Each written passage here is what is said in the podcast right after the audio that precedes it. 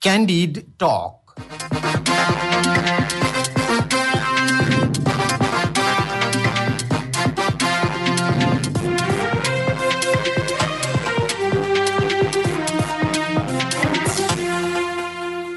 नमस्कार क्यान्डिड टकमा स्वागत छ म Krishna Timalsina radio Candid ninety two point seven mega हर्चको नियमित प्रस्तुति क्यान्डिड टक तपाईँ काठमाडौँ उपत्यका र आसपासका जिल्लाहरूमा ninety two point seven mega हर्चमा सुनिरहनु भएको छ। त्यस्तै तपाईँ हामीलाई रेडियो क्यान्डिडको फेसबुक पेज हाम्रो पोडकास्ट रेडियो क्यान्डिडको एप अनि हाम्रो पात्रमा पनि सुन्न सक्नुहुन्छ।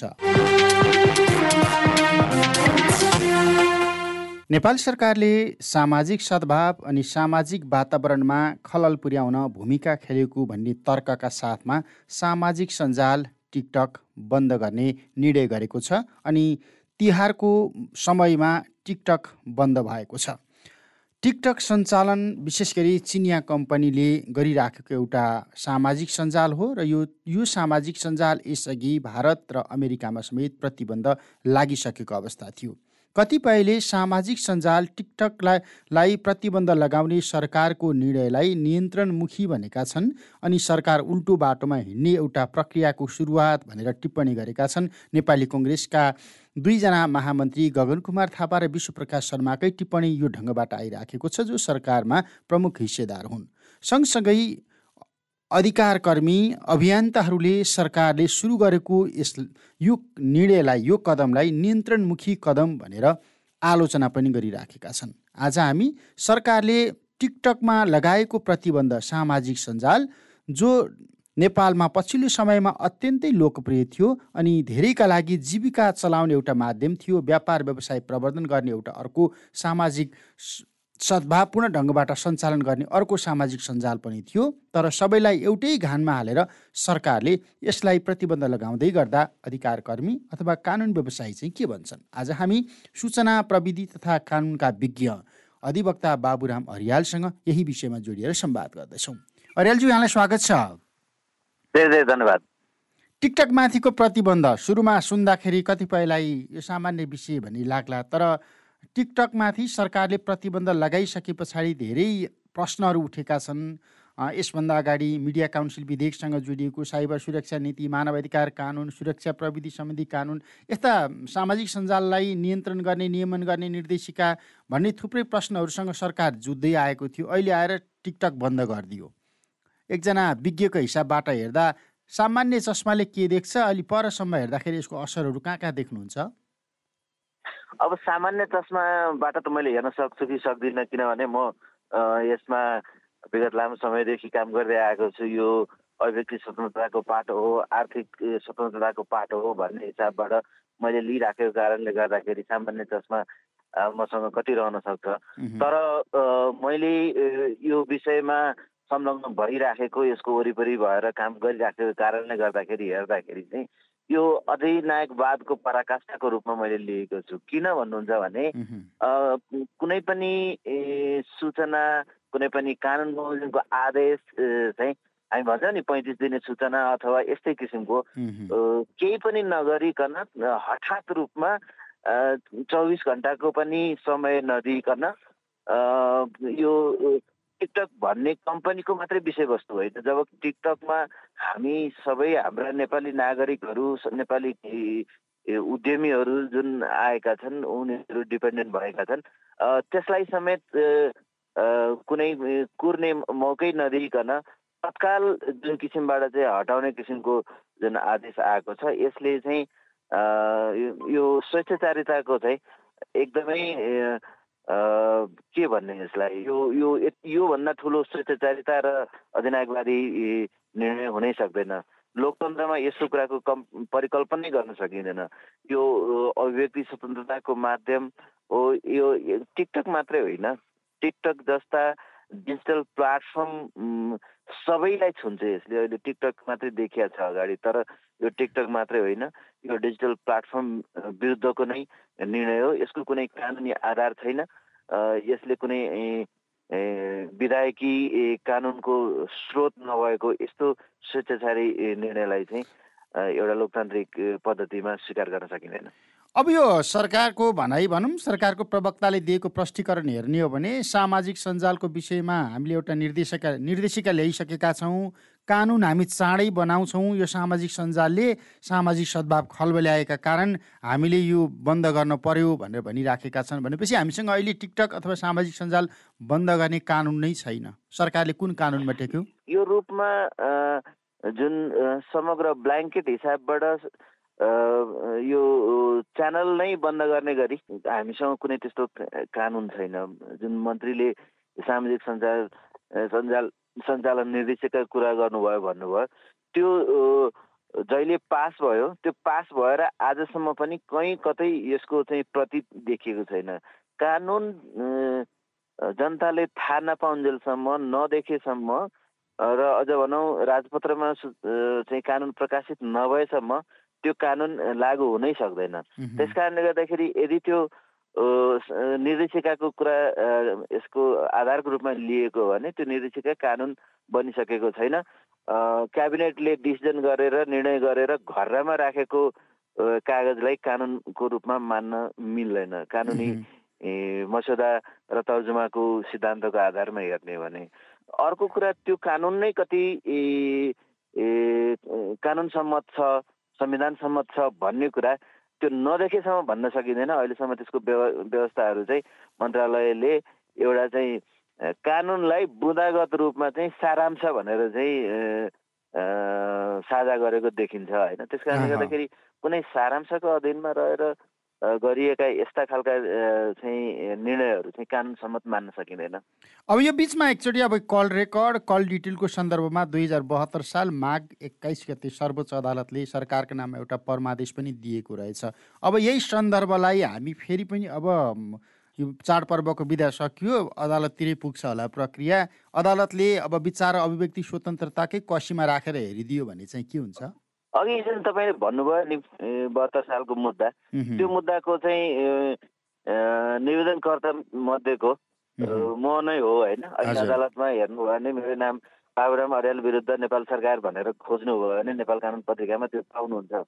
त्यसको महत्त्वपूर्ण आधार पनि के हो भने सरकारले यो अपराध अनुसन्धानको सिलसिलामा पनि यदि तपाईँले कसैको व्यक्तिगत सूचनाहरू प्राप्त गर्नु छ भने कानुन बमोजिम कानुनले तोकेको प्रक्रिया बमोजिम गर्नुपर्छ। यो सम्बन्धमा संसदबाट कानुन बनाऊ र कानुन नबनाउन्जेलसम्म चाहिँ यो प्रक्रिया अपनाऊ भनेर एउटा प्रक्रिया तोकिदिएको अवस्था थियो।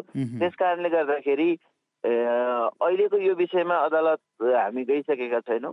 साथी अरू कतिपय जान सक्लान् म आफै पनि जान सकौँला एउटा नागरिकको हैसियतमा।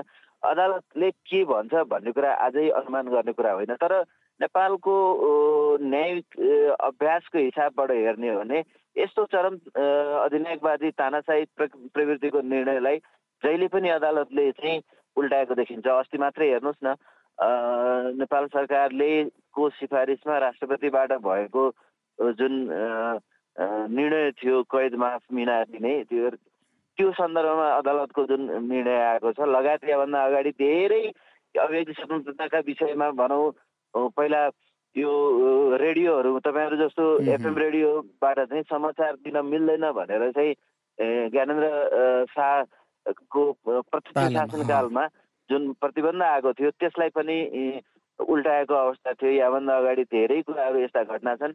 अभिव्यक्ति स्वतन्त्रता मात्रै रहेन। यसमा त व्यवसाय गरेर खाने स्वतन्त्रता पनि हनन भएको छ। यसमा अरबौँको लगानी भएको छ।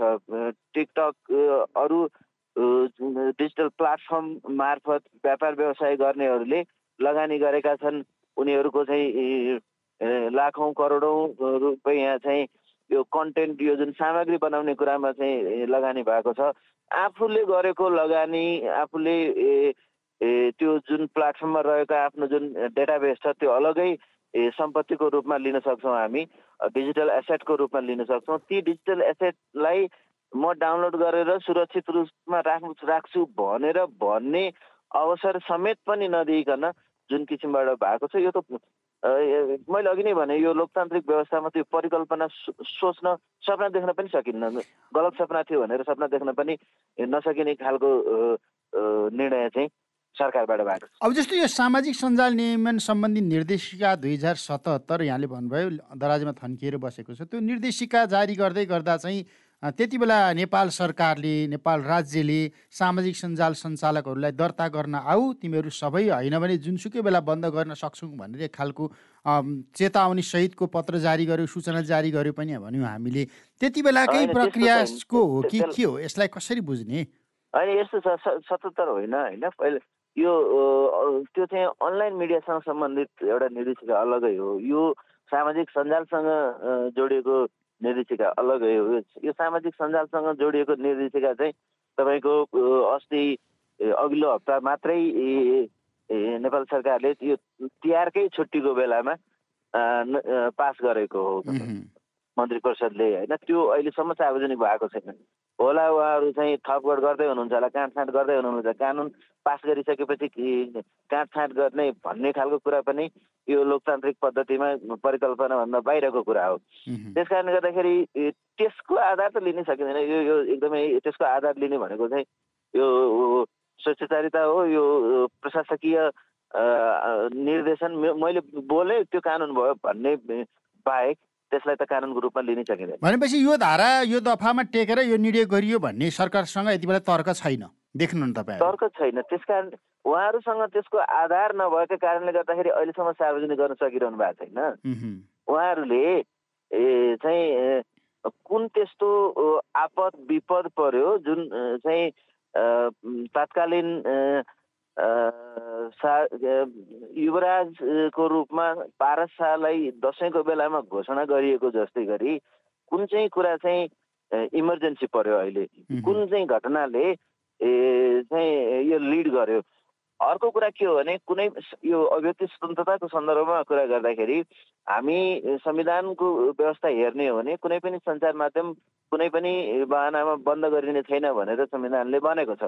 त्यस त्यसले के पनि भनेको छ भने पूर्व सेन्सरसिप पनि गरिने छैन भनेको छ। कुनै सामग्री प्रकाशन भएको छ र त्यो सामग्री गैर कानुनी छ भन्ने लाग्यो भने त्यो सम्बन्धमा अनुसन्धान हुनसक्छ र त्यो अनुसन्धान भएर गैर कानुनी हो भन्ने लागेमा अदालतको आदेशबाट चाहिँ त्यस्ता सामग्रीहरू हटाउन सकिन्छ। यसमा न्यायिक निरूपण नगरिकन व्यक्तिगत रूपमा कसैलाई लाग्यो कुनै प्रशासकीय इकाइलाई लाग्यो भन्दैमा एउटा कुनै सामग्री हटाउनको लागि त प्रक्रियागत रूपमा जानुपर्छ भने यो पुरै जुन सञ्चार माध्यम भनेको जस्तै गरी एउटा पुरै आउटलेटलाई डिजिटल प्लेटफर्मलाई निषेध गर्ने गरी ब्यान गरिएको छ प्रतिबन्ध गरिएको छ। यो चाहिँ बिल्कुल संविधान ऐन र कानुन कुनै प्रकृतिबाट पनि सामञ्जस्य राख्दैन तारतम्य मिलेको देखिँदैन। यो सन्दर्भमा संविधानको धारा सत्र एक दुई अनि धारा उन्नाइसको एक दुई तिन आकर्षित हुन्छ कि हुँदैन?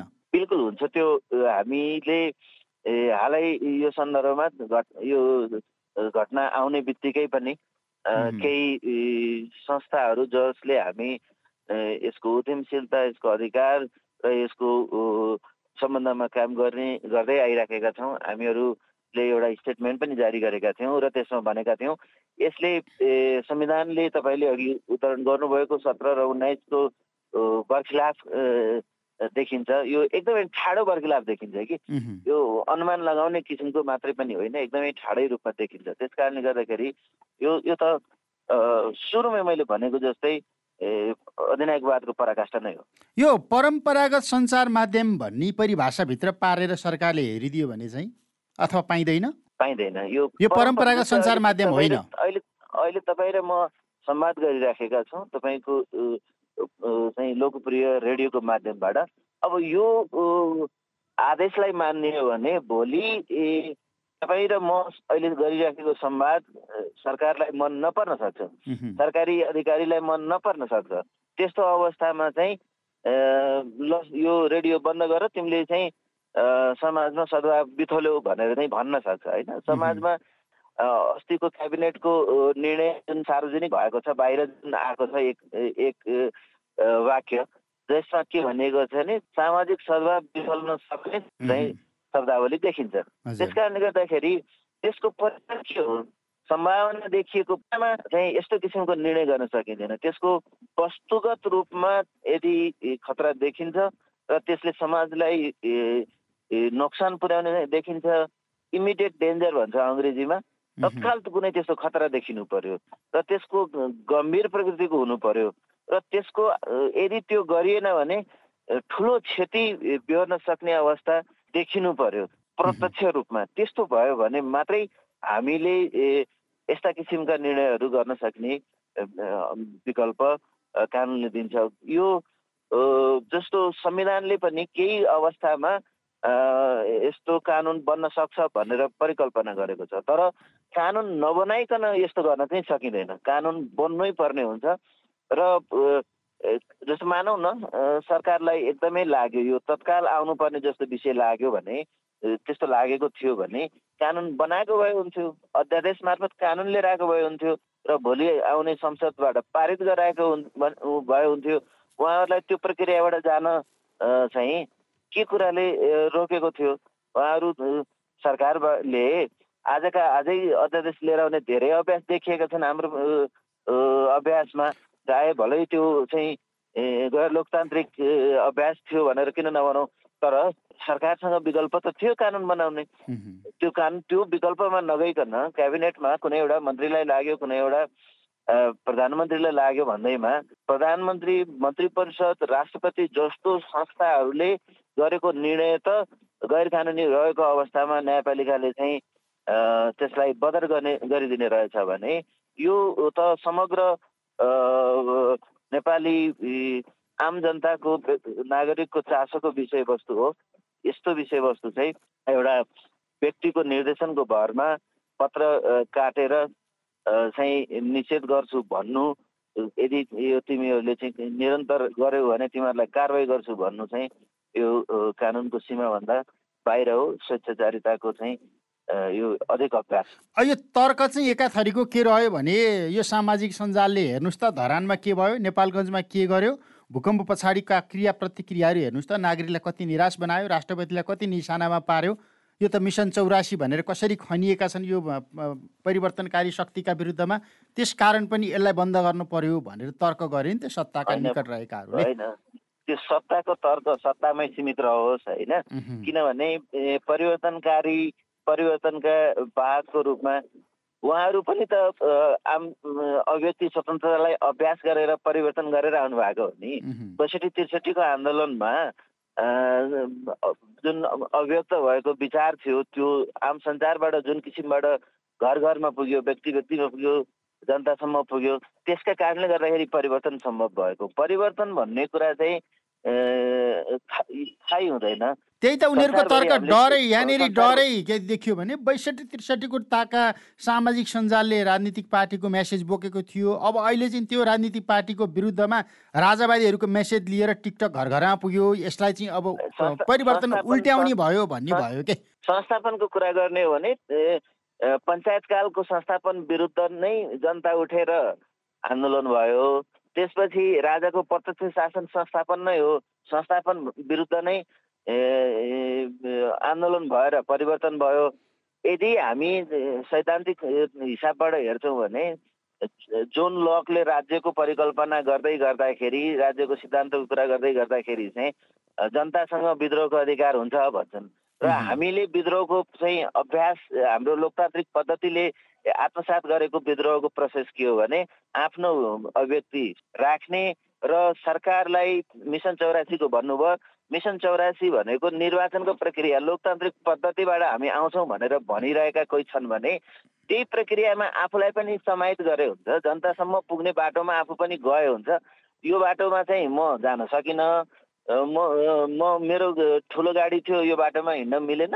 त्यो सानो गाडीमा जानेहरू चाहिँ त्यो बाटोबाट हिँड्न पाउँदैनन् भनेर चाहिँ यो बाटोलाई नै रोक्ने बाटो खनिदिने किसिमको चाहिँ होइन। आफू पनि सँगसँगै हिँड्ने हो। जनतासँग हिँडेदेखि त के डर मान्नुपर्छ र? जनताको जनताले काममा बोकेरै सत्तामा पुऱ्याएका मान्छेहरू हुन् अहिलेमा सत्तामा जानेहरू पनि जनतासँग किन डराउनु पर्छ? मैले भन्ने गर्छु दुईवटा कुरा भन्ने गर्ने गरेको छु। यो इन्टरनेटबाट यदि कोही कसैले डर महसुस गरेको छ भने त्यो शासकहरू मात्रै हो। शासक बाहेकले चाहिँ इन्टरनेटबाट चाहिँ डर महसुस गरेको छैन।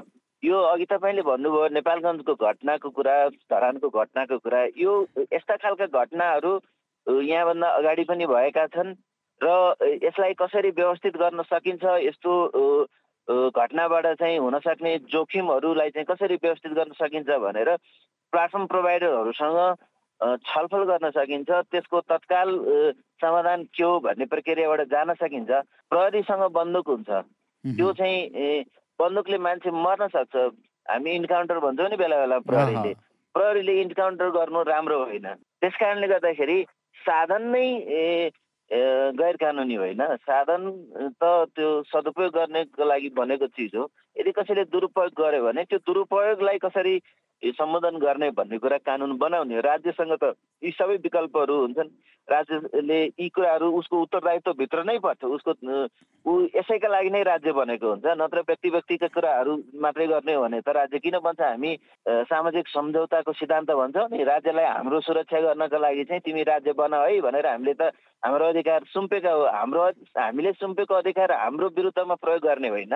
हामीले सुम्पेको अधिकार त हाम्रो हितमा प्रयोग गर्ने हो। अहिले जुन किसिमबाट भयो ए यिनीहरूले सदुपयोग गर्छन् रे भनेर जनताले सदुपयोग गर्छन्। राज्य विरुद्ध चाहिँ विद्रोह हुने भयो। विद्रोह गलत काम गर्यो भने त विद्रोह हुन्छ त। राजा ज्ञानेन्द्रले गलत गरे पञ्चायतले गलत गर्यो विद्रोह त भयो त। सशस्त्र विद्रोह पनि भयो नेपालमा। सशस्त्र विद्रोह त उहाँहरू अहिले सत्ता प्रधानमन्त्री गृहमन्त्री सञ्चार मन्त्री जो हुनुहुन्छ उहाँहरू त विद्रोही गरेर आउनु भएको हो हतियारै उठाएर आउनु भएको हो। जनताले हतियार नउठाइकन आफ्नो अभिव्यक्तिले चाहिँ हामी आउँछौँ भनेर भन्छन् भने यो राजनैतिक प्लाटफर्मको रूपमा होइन प्लाटफर्म आफैमा न्युट्रल छ। यसले यो पार्टी त्यो पार्टी भन्दैन। यो पार्टी त्यो पार्टी भन्ने अवस्था हुँदैन। यस्तो किसिमको जुन प्लाटफर्मलाई उपेक्षा गरेर प्लाटफर्मलाई दोष दिएर प्रविधिलाई दोष दिएर कहीँ पनि पुगिँदैन। प्रविधिको सदुपयोग गरेर जाने हो। प्रविधिलाई दुरुपयोग गरेर चाहिँ जानेहरूलाई प्रविधिको चाहिँ दुरुपयोगको कानुन बनाउने हो कानुनले कहाँसम्म लिएर जाने हो भन्ने कुरामा चाहिँ हामी संसदीय अभ्यासमा छौँ। संसदले बनाएको कानुनको अधीनमा रहेर यदि हामी अगाडि बढ्यौँ भने अनि हामी बल्ल हामी कानुनको शासन भन्छौँ रुल अफ ल भन्छ अङ्ग्रेजीमा। हामीले आत्मसात गरेको रुल अफ ल हो नट रुल अफ डिजायर शासकको चाहिँ इच्छामा हुने हो भने त हामी त गम्भीर समस्याहरू छ। शासकको इच्छाको रूपमा जाने भने त अधिनायकवादी तात्कालीन प्रत्यक्ष राज संस्थाको व्यवस्था जस्तो भइहाल्यो नि हामी लोकतान्त्रिक अभ्यास भनेर किन भनिरहनु परेर?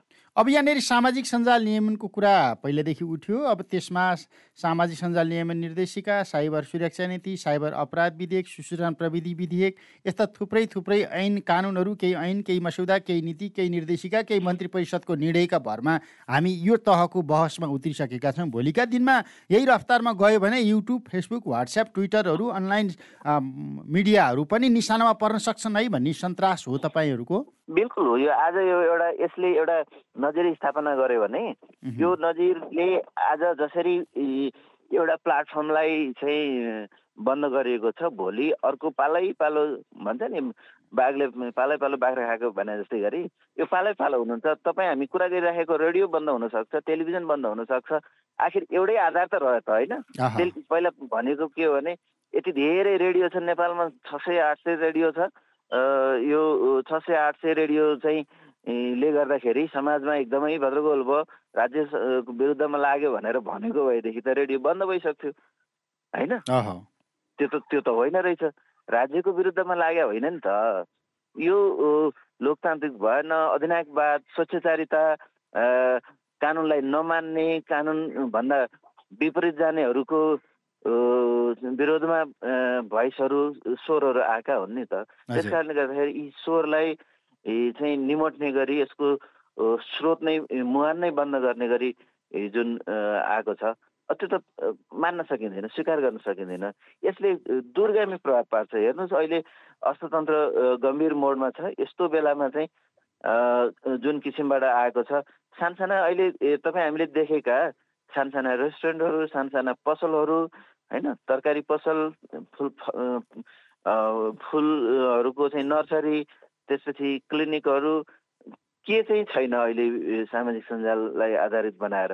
पहिला पहिला टेलिभिजनमा जाँदा प्रिन्टमा जाँदा रेडियोमा जाँदा जुन खर्च हुन्थ्यो त्यो खर्चको त पाँच पर्सेन्ट सात पर्सेन्ट खर्चमा उनीहरूको चाहिँ व्यापार प्रवर्धन भइराखेको छ। उनीहरू चाहिँ लाभान्वित भइराखेको छन्। अहिले ठुलो अर्थ अघि पनि भने अर्थतन्त्रको ठुलो हिस्सा चाहिँ सामाजिक सञ्जालको चाहिँ क्रिएटिभिटी सिर्जनात्मक योगदानबाट चाहिँ टिकेको छ। अब अहिले त्यसलाई ब्ल्याकआउट गर्ने गऱ्यो भने यो चाहिँ ठुलाले सानालाई जुन नियन्त्रण गर्ने हाम्रो प्रवृत्ति छ त्यो हिसाबबाट चाहिँ यसमा पनि त्यो प्रभाव देखिन्छ यो गम्भीर परिस्थिति आउन सक्छ यसले। अन्त्यमा यो भन्न मिल्ने हो कि नमिल्ने हो? हामी भारत चिन र अमेरिका बिचको द्वन्द्वको घानमा परेका त होइनौँ कतै? अब यो कति भन्न मिल्छ कति भन्न मिल्दैन मलाई पनि थाहा छैन। सायद यस्तो द्वन्द्वको घानमा परेको नहोस् म अपेक्षा पनि गर्दिनँ। तर जुन तर्क दिइराखिएको छ अमेरिकामा बन्द छ भारतमा बन्द छ अरू कुन कुन देशमा बन्द छ भनेर अफगानिस्तानतिर बन्द छ होइन अब अफगानिस्तानसँग तुलना गर्ने भारतको कुरा गर्नुहुन्छ भने त म भारतलाई लोकतान्त्रिक देश नै मान्दिनँ अहिले होइन? मान्दिनँ। त्यो अवस्थामा चाहिँ अर्को कुरा भारत र चिनको व्यापारिक युद्धमा नेपालको लोकतान्त्रिक पद्धति फस्नु हुन हुँदैन। त्यो एक्सक्युज लिन मिल्दैन। अहिले चाहिँ हामी के भन्थ्यौँ भने भारतमा एफएमहरूले समाचार दिँदैनन् हामी एफएमहरूले समाचार दिन्छौँ। त्यस कारणले गर्दाखेरि हामी अभिव्यक्ति स्वतन्त्रतामा उदारवादी किताबमा छौँ भारत अनुदारवादी किताबमा छ भन्छौँ। उनीहरूको जस्तो अमेरिकाले पनि के भन्यो? गोपनीयतासँग सम्बन्धित कुरा भन्यो होइन? अनि त्यसपछि भारतले पनि उसको जब कोभिडको बेलामा चाहिँ मान्छेहरू प्लेटफर्ममा गए त्यो बेलामा चाहिँ समस्या आयो। त्यसै गरी अरू अरू देशको जुन तुलना गरिन्छ अब तालिबानसँगको व्यवस्थासँग तुलना नेपाललाई गर्न पुग्ने हो भने चाहिँ त कहीँ पनि पुगिन्न होइन? अरू युरोपियन देशहरू अस्ट्रेलियाहरू चाहिँ यो एउटा पश्चिमा मुलुकको चाहिँ एउटा यो प्राइभेसीसँग जोडिएको यो गोपनीयतासँग जोडिएको विषयवस्तुमा विभिन्न प्लाटफर्महरूसँगको विभिन्न खालको समस्या छ। त्यो नेपालले बिहान गर्दै गर्दाखेरि भारतले बिहान गरेको आधार अमेरिकाले बिहान गरेको आधार युरोपियन देशहरूले चाहिँ प्रतिबन्ध लगाएको आधारसँग मेल खाँदैन। उनीहरूको त कानुन छ होला। उनीहरूले चाहिँ हाम्रो गोपनीयताको विषयवस्तु छ हाम्रो बेटासँग चाहिँ सम्बन्ध छ भनेर भनेको छ। तर नेपालको कुरा चाहिँ के गर्यो भने सामाजिक सद्भाव बिथुल्ने सम्भावना देखिएको भन्ने खालको छ। त्यस कारणले गर्दाखेरि यो दुईटा तुलना बिल्कुल रूपमा मिल्दैन। तपाईँले भनेको जस्तै जियो पोलिटिकल इस्यु चाहिँ यसमा आएको छैन भन्ने मानेर हामी जानुपर्ने हुन्छ। त्यसरी गयो भने हाम्रो सार्वभौमिकतामाथि नै आँच आएको हामीले मान्नुपर्छ। त्यसलाई चाहिँ यदि कुनै हिसाबबाट चाहिँ सरकारी इन्फ्लुएन्स हो भने त्यो चाहिँ झन् गम्भीर विषयवस्तु हुन जान्छ जस्तो लाग्छ मलाई। हुन्छ। समय र संवादका लागि धन्यवाद। धेरै धेरै धन्यवाद। बाबुराम अरियाल अधिवक्ता इन्टरनेट गभर्नेन्स इन्स्टिच्युटका संस्थापक पनि हुनुहुन्छ। विशेष गरी सूचना प्रविधि कानुनका विज्ञ। पछिल्लो समयमा सरकारले सुरक्षा विशेष गरी साइबर सुरक्षा नीतिको नाममा साइबर कानुन ल्याएर नागरिकको सञ्चार तथा सूचना प्रविधि मार्फत हुने अभिव्यक्ति स्वतन्त्रतामाथि अङ्कुश लगाउने प्रयास गर्यो भनेर एउटा बहस छेडिराखिएको थियो केही समय अगाडि। यो सँगसँगै बिचमा साइबर जन्य अपराधहरू बढे भन्ने पनि रह्यो। सामाजिक सञ्जाल नियमन सम्बन्धी निर्देशिका सरकारले जारी गर्यो भन्ने समाचार आयो। नभन्दै सरकारले तत्कालै मन्त्री परिषदको निर्णयका आधारमा सामाजिक सञ्जाल टिकटकमाथि पूर्ण प्रतिबन्धको निर्णय गर्यो। तर यसमा कुन कानुनमा टेकिएर यो निर्णय गरियो भन्ने बारे सरकार अहिले पनि स्पष्ट भएको छैन किनकि संविधानको धारा सत्रको उपधारा एक दुई धारा उन्नाइसको उपधारा एक दुई तिनमा कानुन बमोजिमका कुनै पनि छापा विद्युतीय प्रसारण तथा टेलिभिजन टेलिफोन लगायतका सञ्चार साधनलाई अवरुद्ध नगरिने गर्न नमिल्ने उल्लेख छ। संविधानको धारा सत्र दुई क उन्नाइस दुईले व्यवस्थापकीयका लाई उक्त धाराहरूको मूल व्यवस्थापनले प्रत्याभूत गरेको अधिकार सीमित गर्न सक्ने अधिकार दिएको छ। खास गरी धारा सत्र दुई खण्ड क बमोजिम व्यक्त कुनै कुराले देशको सार्वभौम सत्ता स्वाधीनता जात जाति धर्म सम्प्रदायको सम्बन्धमा खलल पर्ने अपराध वा जातीय भेदभाव छुवाछुतलाई दुरोत्साहन गर्ने श्रम र अदालतको अपहेलना गर्ने गाली बेइजती सार्वजनिक शिष्टाचार वा नैतिकताको प्रतिकूल हुने कार्यमा प्रतिबन्ध लगाउन सक्ने गरी अभिव्यक्ति स्वतन्त्रताको सीमा तोकिएको सन्दर्भमा सरकारका केही व्यक्तिले चाहिँ अहिले धारा सत्र दुई खण्ड क बमोजिम सरकार यो निर्णयमा पुगेको भनेर तर्क गरिरहेका छन्। तर वाक तथा अभिव्यक्ति स्वतन्त्रताको पक्षमा वकालत गर्ने अभियन्ताहरूले भनिरहेका छन्। सरकार नियन्त्रणमुखी बन्दैछ। सरकारले एकपछि अर्को गर्दै नियन्त्रणमुखी कानुन बनाइराखेको छ। सरकार अथवा सत्ताको रवैया श्रृङ्खला भोलिका दिनमा टिकटक जस्तै युट्युब फेसबुक वाट्सएप ट्विटर अथवा अन्य कुनै सामाजिक सञ्जालमा जोडिन सक्छ। त्यसैले संविधान र कानुन विपरीतको यो उल्टो बाटो रोक्नका लागि सबै उभिनुपर्छ भन्ने केही विज्ञहरूले तर्क गरिरहेका छन् र टिकटक बन्द गर्ने सन्दर्भमा सत्तारूढ गठबन्धनभित्रै तीव्र मतभेद देखिन्छ। नेपाली कङ्ग्रेस नेकपा एमालेका नेताहरू लगायत सबैले यसको विरोध गरिराखेको सन्दर्भमा सरकारले टिकटक किन बन्द गर्यो? टिकटकले कि सामाजिक सञ्जाल खलबल्याउने प्रकृतिका घटनाहरू गराइराखेको थियो विकृति बढाइराखेको थियो अथवा असामाजिक बनाइराखेको थियो? सामाजिक सुव्यवस्था प्रतिकूल हुने यस्ता यस्ता सामग्रीहरू हटाउने र नियन्त्रण गर्ने सन्दर्भमा सरकार लाग्नु पर्थ्यो तयारी गर्नु पर्थ्यो अथवा सञ्जाल नै प्रतिस्थापन गर्नु पर्थ्यो। यही प्रश्नमा अहिले सिङ्गो युवा पुस्ता भनौँ एउटा ठुलो हिस्सा जोडिएको थियो। यो सञ्जाल अहिले यही बहसमा जोडिरहँदा त्यही सन्दर्भमा हामी जोडिएर संवाद गऱ्यौँ। समय र संवादका लागि अधिवक्ता बाबुराम अरियाललाई फेरि पनि धन्यवाद दिन्छु। Radio Candid ninety two point seven सुन्दै रहनुहोला। नमस्कार।